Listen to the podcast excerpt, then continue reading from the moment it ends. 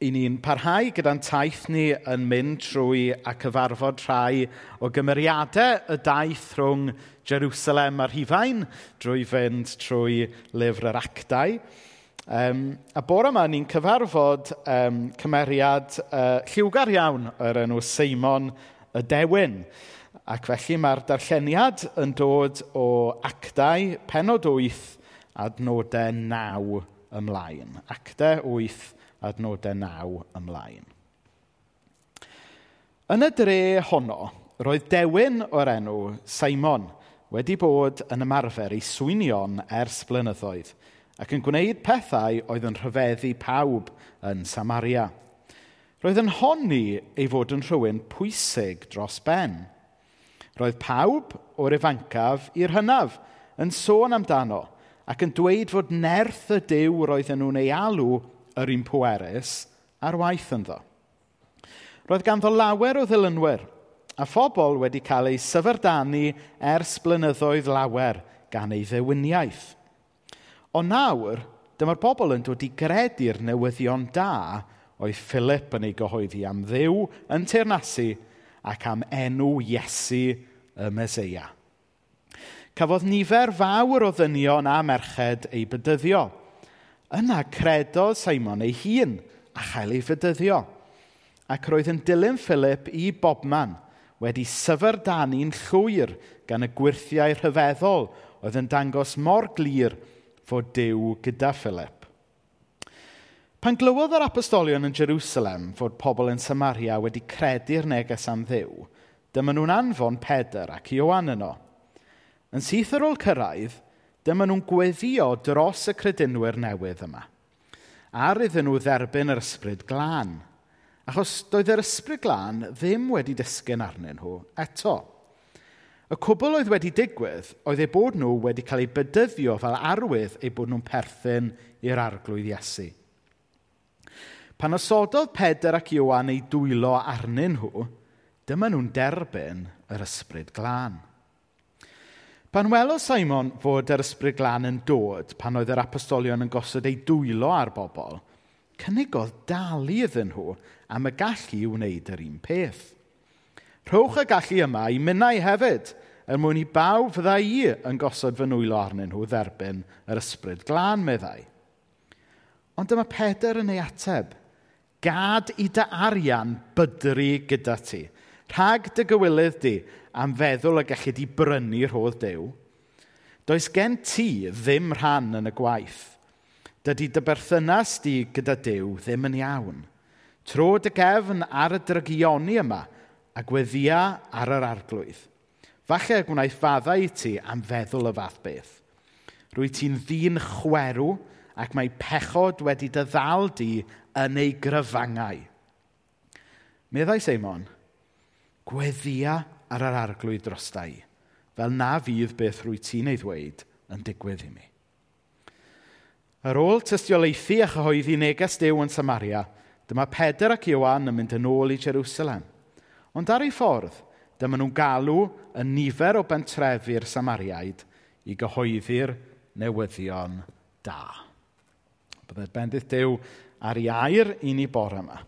Gewn ni jyst blygu pen mewn gweddi cyn bod ni yn mynd yn bellach.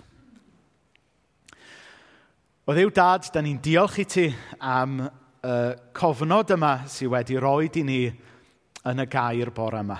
O hanes Seimon o Dewin, Philip, ond y fwyaf pwysig, sut mae dy neges di yn cydio a lledu. O ddiw dad, ni'n gofyn am yr un ysbryd glân i fod efo ni bore yma wrth i ni edrych ar yr hanes yma ac wrth i ni drio gweld beth yw'r neges i gen ti i ni flynyddoedd wedyn o'r hen hanes yma. O ddiw dad, i ni'n gofyn i ti yn procio ni, i ni'n gofyn i ti'n cysuro ni, i ni'n gofyn i dy air di ddod ato ni yn y modd cywir bore yma. Yn enw Iesu. Amen. Amen. Reit, bach o ddŵr nawr. Mae'n mae, mae ddwrnod twym, dydy? Tyfod, uh, I love the summer, it's my favourite day of the year. Iawn. Wel, yn y cylchoedd um, chrysnogol le o'n i'n tyfu lan, oedd e'n rhywbeth eitha trendy i ddweud mod i'n ysbrydol ond ddim yn grefyddol. Alla bod chi wedi clywed Cresnogion yn defnyddio Um, I'm spiritual but not religious. Falle bod chi eich hun yn dweud hynna ac yn defnyddio y term yna.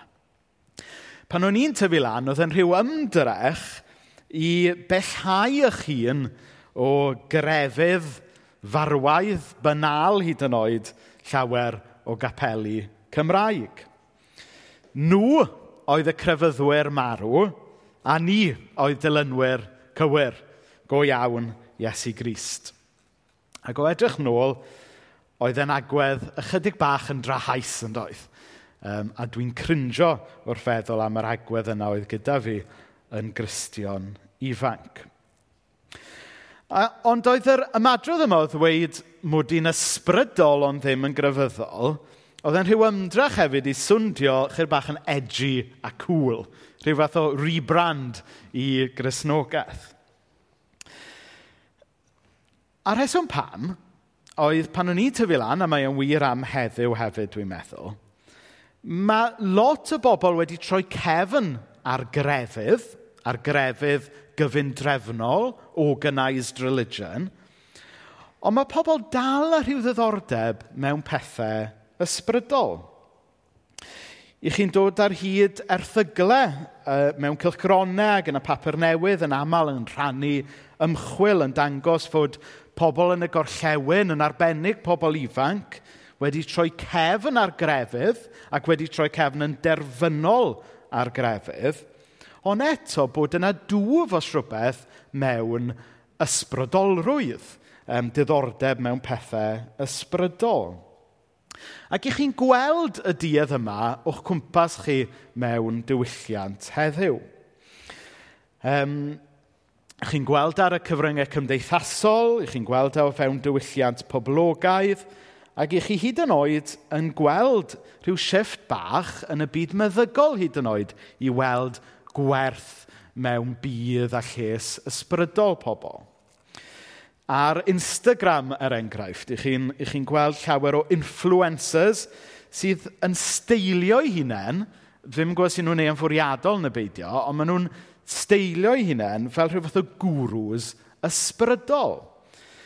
Wedyn, dwi wedi cyfarfod mwy nag un meddyg sy'n dweud wrtho fi bod nhw'n cael um, pobl yn mynd atyn nhw yn meddwl bod ganddyn nhw broblem meddygol neu problem meddyliol. A gyda llaw, os oes gyda chi broblem meddygol, uh, iechyd corfforol neu iechyd meddwl, wrth gwrs cewch at y doctor. Ond mae rhai doctoriaid yn dweithio fi bod nhw'n cael pobl sy'n mynd atyn nhw, a mewn gwirionedd, be maen nhw angen, ydy jyst mynd i'r capel. Hynny yw, bod, bod nhw yn chwilio am rhywbeth dyfnach na mae meddyg neu meddyginiaeth yn gallu ateb. Be sydd tu ôl problemau rhai pobl ydy rhyw syched ysbrydol. Hynny yw, mae yna rhyw synwyr o hyd mewn cymdeithas, hyd yn oed bod pobl falle wedi troi cefn ar grefydd, mae yna rhyw synwyr bod na dal ddiddordeb a syched ysbrydol gan bobl. Hyd yn oed mewn cymdeithas ôl grefyddol, ôl grisnogol fel da ni'n byw ynddo fe, mae yna rhyw synwyr bod pawb dal gyda rhyw itch ysbrydol sydd angen cael ei grafu mae gyda chi ambell i Richard Dawkins think-alike sy'n gwadu y sfer ysbrydol yn llwyr.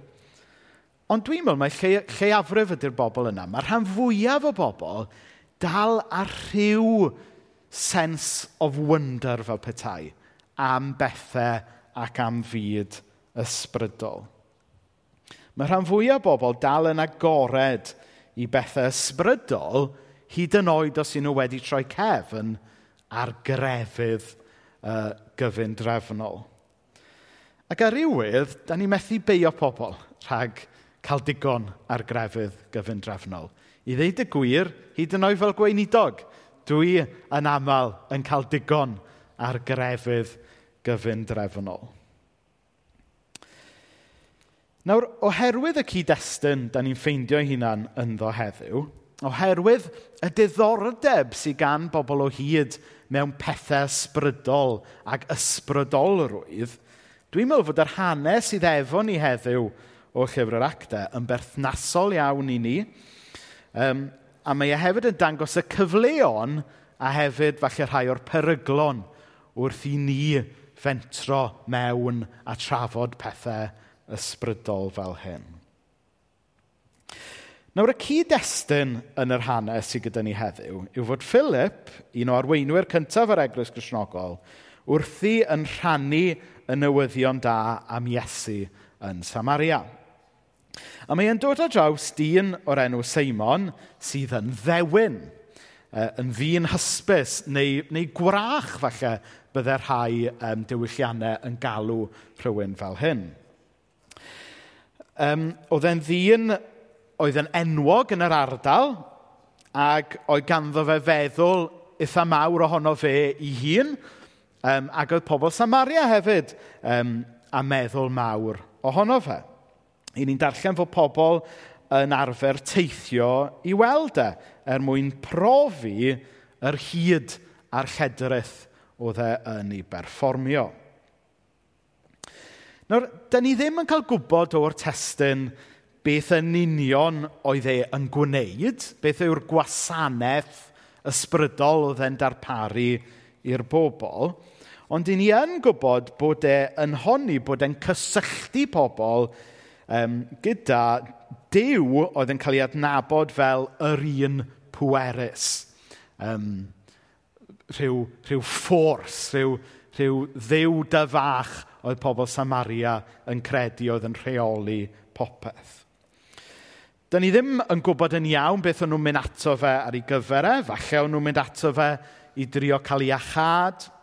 Falle o'n nhw'n mynd ato fe i drio cyfathrebu efo pobl oedd wedi marw. Falle o'n nhw'n mynd ato fe fel rhywbeth o fortune teller er mwyn gallu trio gweld mewn i'r dyfodol. Dyn ni ddim yn gwybod, dyw'r dyw testyn ddim yn dweud. Ond mae yna idiom dda Gymraeg gyda ni'n disgrifio sut mae ymateb i ysbrydolrwydd fel hyn. Sef nid air yw popeth melyn. Just oherwydd fod rhywbeth yn edrych yn ysbrydol, just oherwydd fod rhywbeth yn edrych fel rhywbeth da oedd falle'n rhoi gobaith a bywyd i bobl, dyw e ddim yn golygu o rheidrwydd bod e'n rhywbeth da. Nid air yw popeth melyn. A dwi'n meddwl fod yr idiom yna yn wers bwysig i ni wrth i ni bwyso a mesur a trafod pethau ysbrydol ac ysbrydolrwydd. Does gan grisnogaeth ddim defnydd exclusif dros iaith, dros arferion, dros ddefodau, na hyd yn oed pwerau ysbrydol. A beth dwi'n golygu hwnna wrth, wrth bod dim defnydd exclusif gyda ni? Hynny, dydy popeth ysbrydol ddim o'r rheidrwydd yn dda. A dydy popeth ysbrydol ddim o'r rheidrwydd yn dod gan Iesu nac yn arwain ni at Iesu. Nawr, mae'n mynd un cam yn bellach na hynny. Dydy popeth ysbrydol sy'n hyd yn oed yn cael ei wneud yn enw Iesu, ddim hyd yn oed yn dod gan Iesu. Mae Iesu hun yn rhybuddio ni yn Matthew 7. Mae'n dweud fel hyn, arglwydd, arglwydd, o'n i fiom yn proffwydo yn dy enw di, ac yn dy enw di yn bwrw allan gythreiliaid, ac yn dy enw di yn cyflawni gwirthiau lawer, ac yna dywedaf wrthynt yn ei hwynebau. Nid adnabym erioed mohonoch. Ewch ymaith oddi wrthyf chwydd rwg weithredwyr. So mae yna rybydd fan hyn, yn does? fod popeth ysbrydol, hyd yn oed pethau ysbrydol sy'n cael ei wneud yn enw Iesu, ddim o rheidrwydd yn dod gan Iesu, nac yn arwain pobl at Iesu. Oherwydd mae enw Iesu yw'r enw mwyaf y clywyd sôn, oherwydd yr holl rym sydd yn enw Iesu, dyw e ddim yn syndod wedyn fod pobl yn cam ddefnyddio enw Iesu ac yn rhyw fath o cymryd y brand, os hoffech chi, ond yn neud pethau gwahanol. Dydy popeth ysbrydol, hyd yn oed pethau ysbrydol sy'n defnyddio enw Iesu, ddim o reidrwydd yn dda. Ac felly, wrth i ni ystyried pethau ysbrydol ac ysbrydolrwydd, mae yna ma fanteision bod ni'n byw mewn oes le mae pobl yn agored i bethau ysbrydol, ond hefyd mae yna beryglon hefyd. Dyna pam bod e'n bwysig bod ni yn bod yn ofalus pan da ni'n defnyddio phrases fel mod i'n ysbrydol ond ddim yn grefyddol. Hynny yw, ni, dwi wedi defnyddio'r ffres yna sawl gwaith, ond mae'n bwysig wedyn bod ni'n esbonio be ni'n golygu wrth hynna. Diben bywyd ysbrydol ag ysbrydolrwydd i ni fel Cresnogion ydy bod e yn ffordd o brofi ac adnabod y dew sydd wedi datguddio ei hun yn fwyaf clir i ni yn Iesu Grist. Dyd, achos dydy jyst cael diddordeb mewn pethau ysbrydol a cael diddordeb mewn ysbrydolrwydd, dyw hwnna ynddo fe ei hun ddim yn datgloi atebion bywyd i ni. Achos mae cael diddordeb mewn pethau ysbrydol ac ysbrydolrwydd heb bod e'n arwen i at Iesu. Mae e jyst yn fewn ddrychol, yn rhyw fath o navel-gazing ysbrydol. Mae e jyst yn chwilio am yr ateb o fewn chi eich hun. Ond yr hyn sydd wrth wraidd yr efengel grisnogol yw bod yr ateb ddim o fewn ni yn hun. Ond yn hytrach, mae e wrth edrych tuag at dew sydd wedi dangos ei hun, sydd wedi datgifio ei hun i ni yn Iesu Grist. Be sydd angen yw ysbrydolrwydd sy'n troi yn meddwl yn calon am llygaid o'r hunan tuag at Iesu.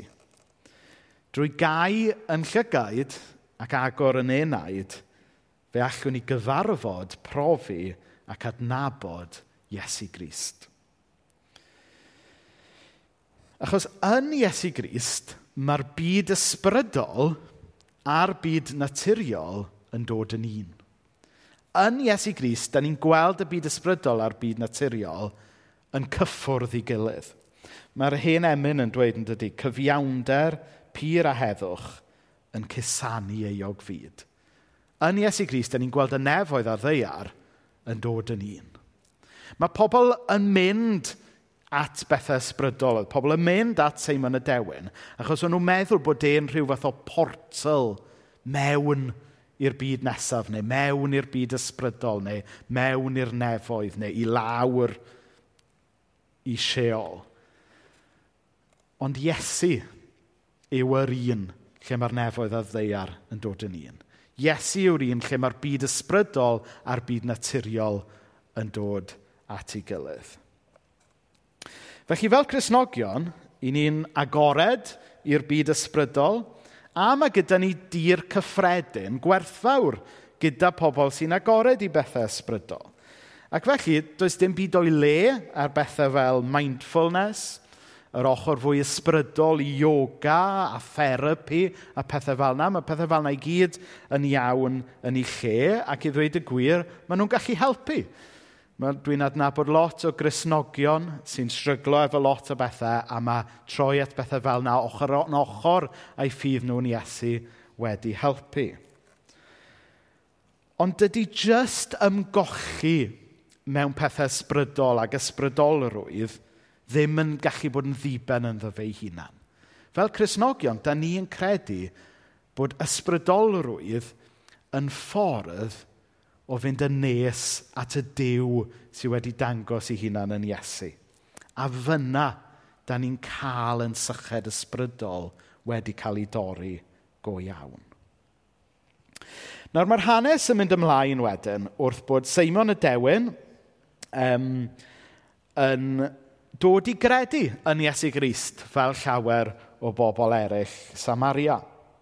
Mae e yn ffeindio bod beth oedd Philip yn ei rannu am Iesu yn newyddion da gwell na beth oedd e yn cynnig i bobl Samaria. Um, Chybod, dwi'n gwybod os ydych chi'n bobl sydd yn, yn yfed gwyn, neu... Um, ond chybod, os fyddwch chi falle wedi, wedi bod yn yfed rhyw botel 399, a wedyn chi'n meddwl, tretio chi na chi'n cael potel 15 pint a i chi yn blasu y gwahaniaeth. Neu i, i chi'r llwyr y methodwyr, chybod, bod chi'n yfed Coca-Cola own brand Tesco a wedyn bod chi'n cael can o Coca-Cola go iawn. Na, da chi'n chi blasu'r gwahaniaeth. A mae rhywun yn, mae hwnna'n actually yn illustration gwael iawn, ond chi'n deall y pwynt. Yn oedd, oedd pobl Samariawn wedi bod yn trio um, profi y gorau o'r byd ysbrydol drwy fynd at Seimon o Dewen. Ond nawr, maen nhw wedi cael blas ar rhywbeth gwell yn Iesu. Nawr maen nhw wedi cael eu syched wedi torri go iawn drwy brofi be mae Iesu yn ei gynnig. A mae yna hen emyn Cymraeg, da ni'n canu eitha aml yn y capel yn llan llyfni, sydd yn sôn am y profiad yma o drio ffeindio yr ateb ymhethau'r byd – ond wedyn ffeindio fe'n Iesu. Mae'n mynd fel hyn. Er chwilio'r holl fyd a'i fwyniant i gyd, nid ynddo mae'r balm am iacha, ond digon i mew yr Iesu a'i fryw, fe'n gwared o'n penyd am pla. Ar ôl chwarae gyda pethau ysbrydol, dyma pobl Samaria a Seimon y Dewin ei hun yn profi cariad gwell Iesu. Nawr, mae'r rhan nesaf o'r hanes yn ddifur, ond hefyd yn rhan sy'n rhaid i ni drin yn sensitif. Achos, um, ar ôl yr hanes yma, um, mae pobl Samaria wedi dod i gredu yn Iesu, felly maen nhw'n grisnogion, maen nhw'n cael eu bydyddio fel arwydd uh, o'i ffydd. Ond mae'r hanes yn dweud bod nhw ddim eto wedi profi a cael eu llenwi efo'r ysbryd glân. Nawr, y rheswm pam bod rhaid ni drin y darn yma o'r hanes yn sensitif yw bod yna lawer o gam ddehongli, lot o gam gymhwyso wedi bod ar yr hanes yma. A bod hwn yn arwain yn aml at grisnogion sydd â profiadau sbrydol gwahanol falle'n cam ddeall i gilydd mewn lot o eglwysi a traddodiadau trwy'r canrifoedd. Mae'r mae cam ddeall yma wedi arwain at rwygiadau wrth i rai chrysnogion trio gwthio i profiadau nhw ar grisnogion eraill, wrth i rai grisnogion falle deimlo fod eu profiadau nhw yn anigonol achos bod e'n brofiad gwahanol i beth sydd gan gristion arall. Um, hefyd mae sort of athrawiaeth wael sy'n codi o'r hanes yma yn gallu arwain at rhyw syniad weithiau yn yr eglwys fod ganddo chi grisnogion dosbarth cynta a Cristnogion ail ddosbarth. Bod gyda chi rhyw super spiritual Christians a just Cristnogion uh, bob dydd fel petai. Bod gyda chi BMW Christians a Ford Focus Christians. Ac felly dyna pan bod rhaid ni drin yr hanes yma'n sensitif er mwyn gwarchod yn hunain rhag syrthio mewn i rhai o'r tyllau yna.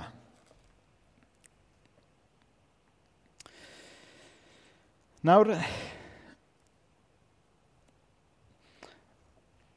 mae'n amlwg o'r hanes yma fod profiad pobl o ddiw a'i ysbryd yn gallu digwydd mewn tonau, chi'n gwybod. Bod rhywun ddim jyst yn cael un profiad a cyfarfod o ddew a dyna ni. Ond yn ytrach bod Dyw yn, yn cyfarfod ni ar hyd taith bywyd ar wahanol adegau a mewn tonau gwahanol fel petai. A'r rheswm pam yw pan mae'r Beibl yn sôn am cael yn llenwi gyda'r ysbryd glân, er, mae'r, mae'r gair yn y groi gwreiddiol, dyw e ddim yn um, gair sy'n siarad am y peth fel digwyddiad. Ond yn hytrach mae'n air sy'n sôn am cael eich llenwi yn barhaus fel petai. Felly, os ydyn ni'n deall hynny, dyw e ddim yn syndod wedyn fod yn profiadau ni o ddew a'i ysbryd yn rhywbeth sydd yn taro ni mewn gwahanol donau ar hyd yn taith mewn bywyd dyw e ddim yn just yn ddigwyddiad one-off. Ond yn hytrach, mae e'n gyfres o ddigwyddiadau a tonau da ni'n brofi trwy gydol yn hoes am pererindod fel Cresnogion. Ac os dwi jyst yn edrych ar ymhrofiadau i, dwi'n gallu gweld mai dyna nath ddigwydd. Um, fel mae rhai ohonych chi yn gwybod, ges i fy magu uh, yn yr eglwys. Fi eisiau byth yn rebel mawr, y peth mwyaf rebelius nes i oedd mynd yn weinidog gyda undeb y bydyddwyr, er bod fi wedi cael y magu yn y mudiad efo ngylaidd. Hwna, a cofio mam yn cael rhyw mini crisis, oedd e fel bod fi wedi mynd ar drugs neu rhywbeth. Uh, eh, sorry, bab. Ac, um, ond ges i'n fagu yn yr eglwys. Dwi byth yn cofio cyfnod le o'n i ddim yn credu mewn Dyw. Dwi wastad wedi credu mewn Dyw. Um, ond dwi'n cofio un tro pan o'n i yn far ddegau. Um, clywed mab i weinidog, mab i weinidog bedyddiedig yn digwydd bod, yn dweud bod e ddim yn gristion. Ac o'n i fel, uh, ddim yn Gristion. Oedd e'n Gymro Cymraeg. Oedd e'n mynd i'r capel. Oedd e'n fab i weinidog. Ac oedd e'n dweud bod e ddim yn Gristion. Be sy'n mynd ymlaen fan hyn? Ac wrth gwrs, dyna oedd y realisation i fi. Er mor werthfawr oedd y ffydd ges i'n fagu ynddo fe, er mor ddiolchgar ydw i o'r ffydd o'n i wedi etifeddu, nes i sylwi bod rhaid i fi hawlio a perchnogi a credu'r ffydd yna drosto fi fy hun er mwyn iddo fe fod yn real a gwir i fi. Felly dyna oedd y profiad cyntaf geis i tybod yn, yn y daith. Dyna oedd y don cyntaf os hoffech chi.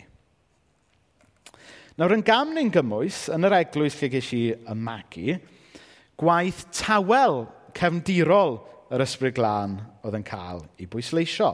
A mewn gwirionedd, dyna yw gwaith pwysicaf yr ysbryd glân. Er bod y pethau byddai'n mynd i drafod mewn chydig funud yn bwysig, gwaith pwysicaf yr ysbryd glân ydy'r gwaith tawel yn y cefndir yn pwyntio ni at Iesu. Yn, yn dangos yn gyntaf yn hangen, yn pechodau, ac yn pwyntio ni at Iesu. Y gwaith yn y cewnder yw'r gwaith fwyaf pwysig. Oedd, um, oedd lot o chwaraeon mlaen ddoi yn doedd. Um, a dim un gêm wedi mynd y ffordd o'n i yn cefnogi'r tîmau. Ond ar ôl yr...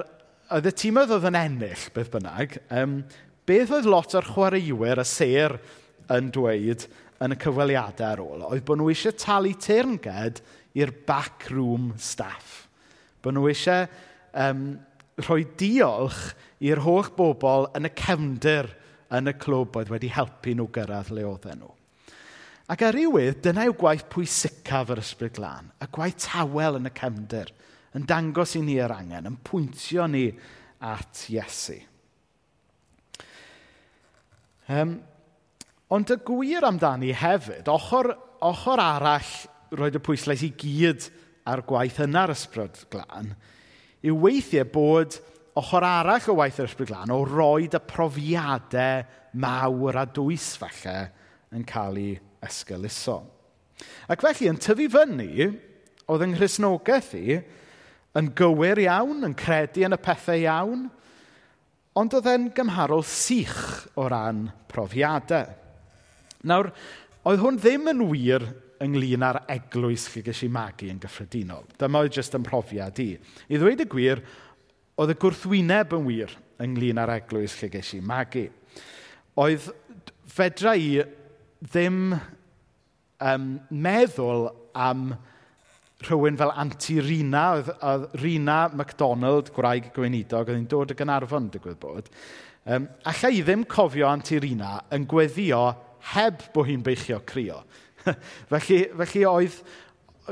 A hefyd, dwi'n cofio um, gŵr arbennig arall, John Ifor Jones, um, neu Jones Cem, fel mae rhieni Mena yn adnabod e, achos oedd e'n athro cemeg yn ysgol uwchradd Tregaron. Ac fel athro, oedd e'n ddyn solid a strict iawn fel oedd athrawon y cyfnod yna. Felly oedd e'n ddyn um, cadarn iawn, strict iawn, Ond dwi'n cofio John Efa Jones yn darllen geiriau emyn mewn cwrdd unwaith yn beichio crio.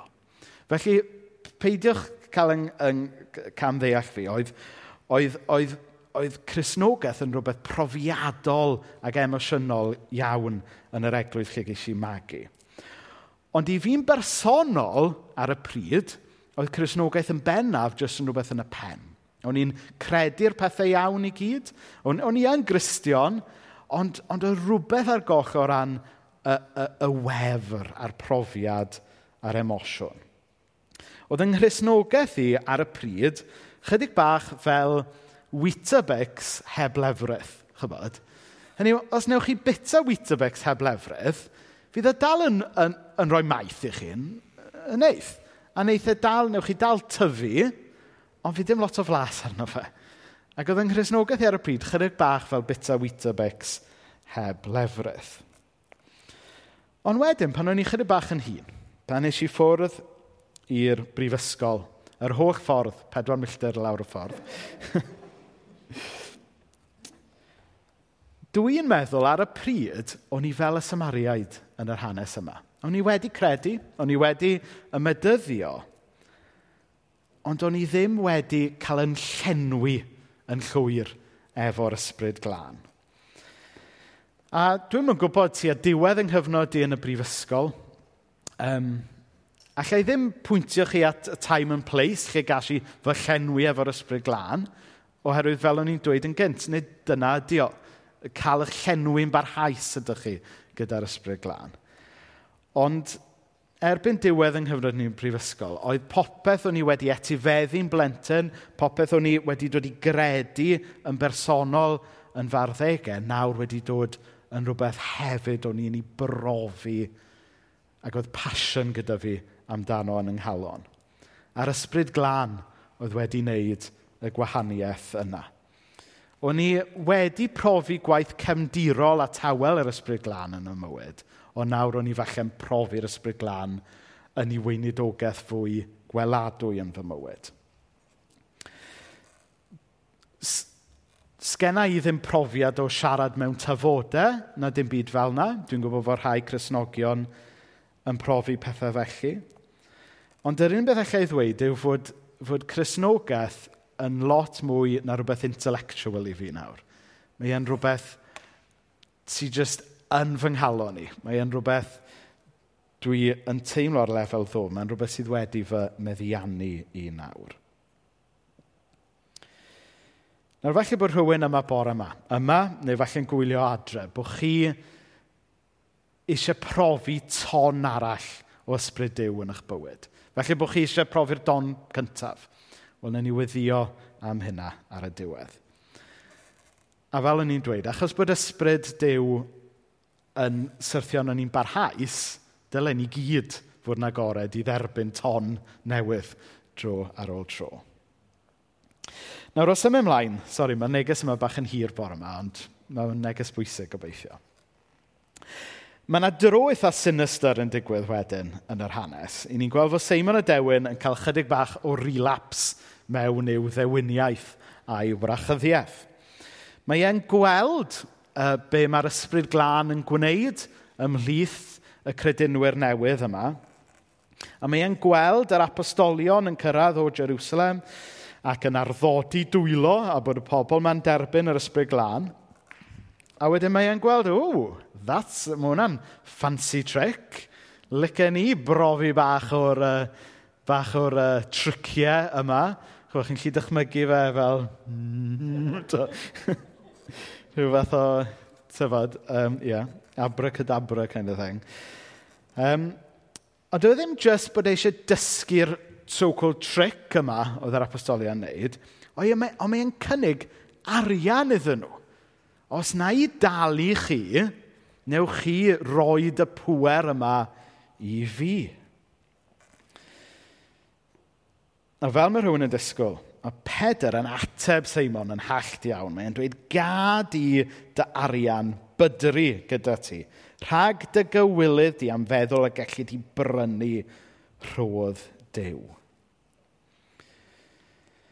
Nawr, be da ni'n gweld fan hyn ydy enghraifft gynnar o rhywbeth yn anffodus sydd wedi dod yn epidemic yn yr eglwys grisnogol gyfoes. Be sydd gyda ni fan hyn ydy'r heresi fod gwaith yr ysbryd glân yn fformiwla y gellid i ddysgu a'i gopio ac yn fendith y gellid i brynu. Mae rhai yn galw hyn heddiw yn prosperity gospel, pobl eraill yn galw fe yn health and wealth. Dwi ddim mynd i enwi enwau yn arweinwyr nac yn eglwysu, ond dim ond i ddweud fod, fod hwn wedi dod yn epidemic yn yr eglwys grisnogol gyfoes. Mae'r eglwys heddiw yn llawn charlatans sy'n slic iawn i geiriau. Efallai bod nhw yn bobl sy'n dod droso'n ysbrydol iawn yn defnyddio enw Iesu, hyd yn oed yn cyflawni rhai gwirthiau a rhyfeddodau. Ond cofiwch yr hen idiom, nid air yw popeth melyn os newch chi graffu ar weinidogaethau rhai o'r bobl yma, edrych dan y bonet, a newch chi weld bod nhw'n edrych mwy fel multi-million pound businesses na fel eglwysi Cresnogol. Newch chi weld fod i bywydau nhw mwy fel bywydau rock stars na gweinidogion y gair. A gwai ni rhag syrthio i'r trap o feddwl mae fformiwla neu geiriau hyd neu ddefod i'w ddysgu yw yr ysbryd glân. Nid tric y gallwch chi ddysgu yw gwaith yr ysbryd glân. A gwai ni rhag cael yn hudo i feddwl fod bendith yr ysbryd glân yn rhywbeth y gallu di brynu gyda arian a dylanwad. Da ni'n gweld e'n digwydd fan hyn – Ac yn drist iawn mae e wedi dod yn rhywbeth real iawn yn yr eglwys gyfoes. Oherwydd bod o'n benthyg i hun i'r um, i'r oes faterol a'r iangar da ni'n byw yn fe. Ond mae'r hanes sydd gyda ni heddiw yn gorffen ar nodyn fwy gobeithiol. Yn gyntaf, mae'n ymddangos fel bod Seimon y Dewin yn gweld i ddrygioni ac yn hedif ar haid. Mae'n dweud um, gweddia ar yr arglwydd drosta i, fel na fydd beth rwy ti'n ei ddweud yn digwydd i mi. Yn ytrach na mynd yn amddiffynol, um, falle bod chi wedi gweld, um, mae yna clip ofnadwy. Oce, okay, o'n i dweud bod ddim yn ei enwi neb, ond ei enwi un. Ond mae yna clip ofnadwy o rywun yn herio uh, Kenneth Copeland ynglyn â pam bod angen un private jet arall uh, ar y we. A, ma, a, ma, a beth sy'n horrific ynglyn â'r ffilm yw bod e'n mynd mor amddiffynol o'i gyfoeth a'i arian a'i personal jets a popeth. Ond beth sy'n hyfryd fan hyn yw bod Simon y Dewn, dwi e ddim yn mynd yn amddiffynol, ond yn hytrach mae e'n gweld i fai a mae e'n ymddangos fel bod e'n edifeiriol. Yn hytrach na mynd yn amddiffynol, mae e i weld fel bod e'n gwrando ar Pedr ac mae'n gofyn i Pedr weddio drosto fe. Nawr, er mod i, gobeithio, ddim wedi mynd cweit i'r un toch a Seimon y Dewen, a sgen i ddim personal jets, er bod gennau fwy nag un cot, dwi wedi bod ar rhywfaint o daith dros y flwyddyn diwetha, wrth ail-asesu rhai o fy mlaenor i ac ail-asesu sut dwi yn eich arwain chi, sut ydw i yn arwain yr eglwys. A dros y flwyddyn diwetha, dwi wedi dod i weld, os ydw i'n onest, dros y blynyddoedd diwetha mod i yn bod ni wedi rhoi gormod o bwyslais falle ar yn ymdrech ni, ar yn rhaglen ni, ar yn gweledigaeth ni. Bod ni wedi bod falle yn trio efelychu fformiwlas a pethau da ni yn gweld yn gweithio mewn eglwysi mawr, falle yng Nghaerdydd, yn Llundain, yn America. Falle bod ni wedi bod yn trio actio bod ni'n eglwys mawr dosbarth canol Saesneg yn hytrach na derbyn bod ni'n eglwys fach Gymraeg mewn tred lawd. Ac yn hytrach na bod yn frustrated gyda hynna, a wastad edrych o, ni eisiau bod fel yna, yn hytrach gweld bod lle ydyn ni actually yn rodd. Dyma lle mae Dyw eisiau ni fod. Dyma lle mae Dyw eisiau ni um, i geisio fe. A ceisio rhywbeth sydd yn driw i ni yn hytrach na meddwl am yn cynlluniau ni a rhyw rhyw syniad slick gwahanol. Dwi'n meddwl dros y blynyddoedd diwetha bod y ffordd dwi wedi arwain yr eglwys weithiau wedi arwain at ddisgwyliadau afrealistig ac anghywir. A bod hwnna wedyn wedi arwain at siom a weithiau wedi bod yn agos i arwain at burnout. Ddim bod fi'n dweud na ddylen ni ddisgwyl pethau mawr gan ddew, mae Dyw yn gallu wneud pethau mawr a pethau gwahanol.